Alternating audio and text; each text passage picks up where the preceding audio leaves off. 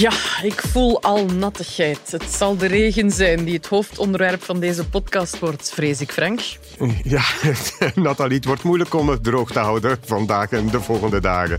Ja, vooral in West-Vlaanderen, daar krijgen ze het hard te verduren. En zij Mhm. vooral zullen dan ook zeer benieuwd zijn naar wat ze de volgende dagen krijgen. Wel, eh, er is een route tussen en dat trint, trint, trint. Dus eh, laten we er maar aan beginnen, zouden we zeggen op Eh, zo'n ik versta West-Vlaams. dat, want het zijn er niet veel die dat gewoon verstaan pijzen. Maar goed, zo is dat. Welkom bij Meer Weer.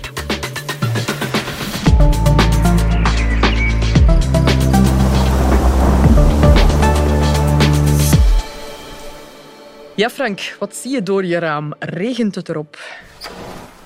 Eh, wel, nee, op dit ogenblik hebben we een droge periode, maar eh, ja, ik, ik verwacht voor eh, vandaag nog wel wat, wat regen.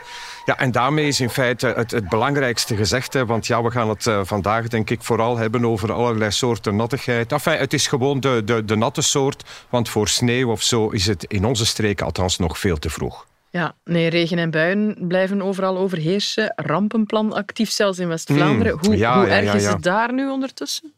Eh, wel, ja, dus eh, het is vooral in, in de Westhoek. Hè. Er zijn daar op een aantal plaatsen zandzakjes. Reddingwerkers die bewoners evacueren met, met, bootjes eh, plaatselijk. Het ziet er daar in feite ja, niet zo goed uit. Hè. Ehm, voor vrijdag eh, verwachten we nog vrij veel regen. Dus zeker voor de laaggelegen gebieden ja, kan dat toch wel wat kritiek worden. Eh, we krijgen dan daar eh, in, in de Westhoek weliswaar een, een droge adempauze met maxima rond 9 graden. In de nacht van zaterdag op zondag een beetje frisjes. Maar maandag staat er al een nieuwe lading regen op het programma. Eh, dus ja, ze gaan het goed moeten opvolgen. Trouwens, iedereen kan dat heel mooi eh, opvolgen. Er is een, een site waterinfo.be en daar kan je zien zowel eh, pluviaal als fluviaal. Het is te zeggen wat er van boven komt en wat er over land aankomt. kunnen ze het mooi opvolgen, ja, wat er zo allemaal mogelijk is. Eerst krijgen we storm en nu krijgen we hun regen. Ehm, is dat dan met risico op overstromingen ook nog komende dagen? Ja, dus dat zit daar toch wel in. Hè. Nu, in feite, het, het is in het verleden nogal wel gebeurd. Zo, want dus, ja, je hebt de combinatie van warm zeewater eh, boven het kanaal. En een groot deel van de Noordzee zitten we nog altijd met temperaturen van 15 graden. Het zeewater dan van 15 graden. En dat in combinatie met koude bovenluchten tot min 30 graden op een hoogte van een vijftal kilometer. Dat zorgt voor, eh, ik heb het woord gevonden op het internet, een herfstbuienbatterij. En dat is dus echt het geval eh, voor de kustregio. Hè. Weinig mensen weten dat, maar in oktober en in november valt er in eh, de kustregio 20 tot 30 procent meer regen gemiddeld dan in het binnenland. Eh, voorts is het daar de andere tien maanden van het jaar droger dan in het binnenland. Maar dus in oktober en november eh, heeft de kustregio en bij uitbreiding ja, grote delen van West-Vlaanderen krijgen die dus meer neerslag dan elders. Op de klimaatatlas van het KMI, als je gewoon surft naar de site van het KMI, ze hebben daar een klimaatatlas en dan zie je het heel mooi dat in oktober en in november dat ze in de kuststreek dat ze daar vaker een paraplu moeten bovenhalen. Herfstbuien, batterij, dat is, dat is een mooi woord. Ik heb hier iets bijgeleerd. Ehm, maar dus ook. ja, heel veel regen in daar West-Vlaanderen. Ehm, hoe zit Mhm. het met de rest van het land de komende week? Wel, dus na dat droge weekend, met dus echt wel een koude zondagochtend, krijgen we maandag overal die actieve regenzone van west naar oost. En daarna is het opnieuw wisselvallig, Nathalie, met dus die strakke zuidwestenwind. Dat is echt wel een constante vanaf maandag alweer. En maxima die dan opnieuw wat zachter zijn, want in het weekend is het wat frisjes.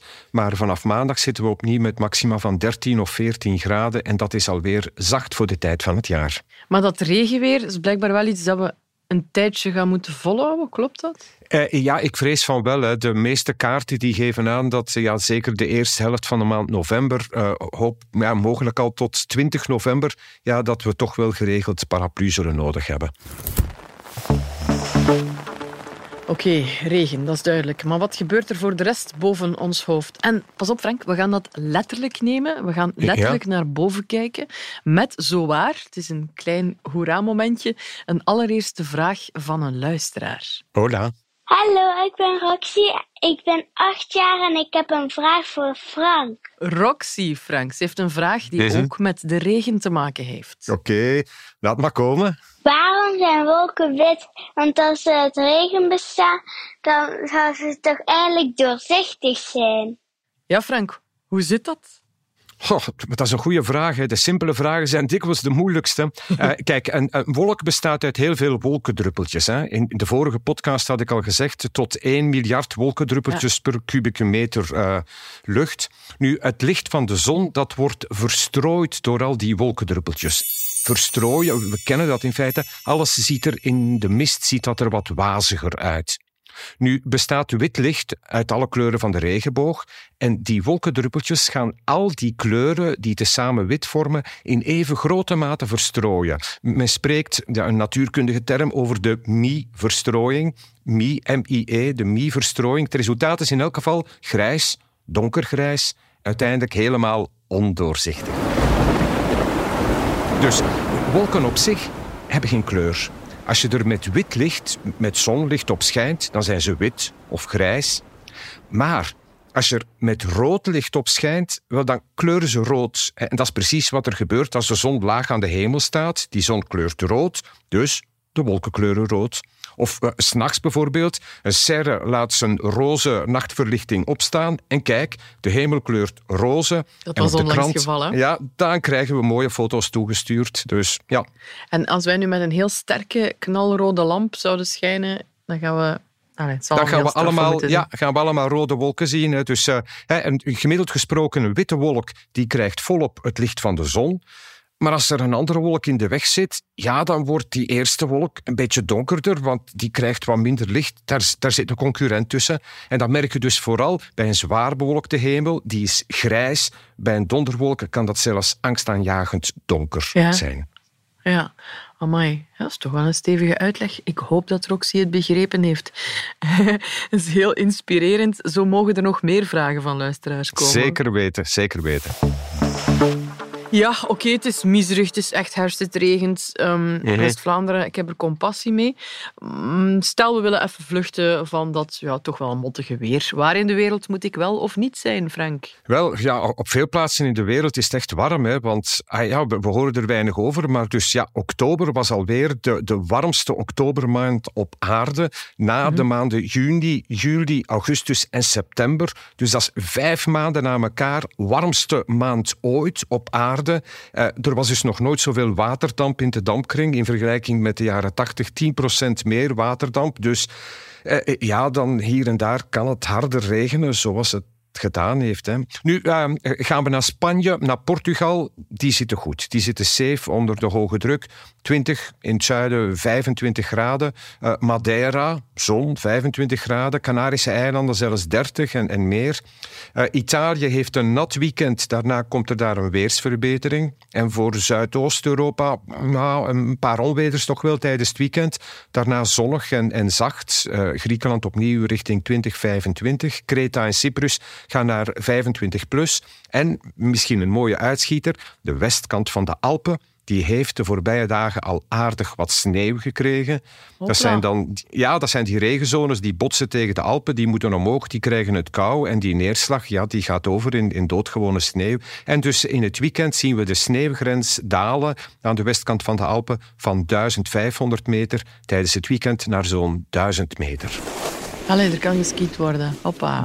ja, maar ik weet nog niet of dat de, de skipistes gaan open zijn. Maar mensen die willen genieten van witte landschappen, die moeten, als ze er geraken, naar de westkant van de Alpen. Dus ja, uh, ga richting Frankrijk, de Jura, iets verder door. Je zal wel wittekes zien. Ik vermoed, Frank, dat je je weerspreuk ook aan het regenweer gaat aanpassen. Ja, en of natuurlijk. Hè. November heeft maar 30 dagen, maar dubbel wind en regenvlagen. Ja, schiet niet op de pianist. Bedankt Frank de Bozere. We kijken uit naar drogere tijden. We horen elkaar volgende week weer. Uh, oh, nee, nee, nee. Dat moet jij zeggen. Ja, oh ja. Oh. Uh, volgende week ben ik er weer met meer weer. Dit was Meer Weer, een podcast van Nieuwsblad in een productie van mezelf, Nathalie Delporte en Bert Heijvaart.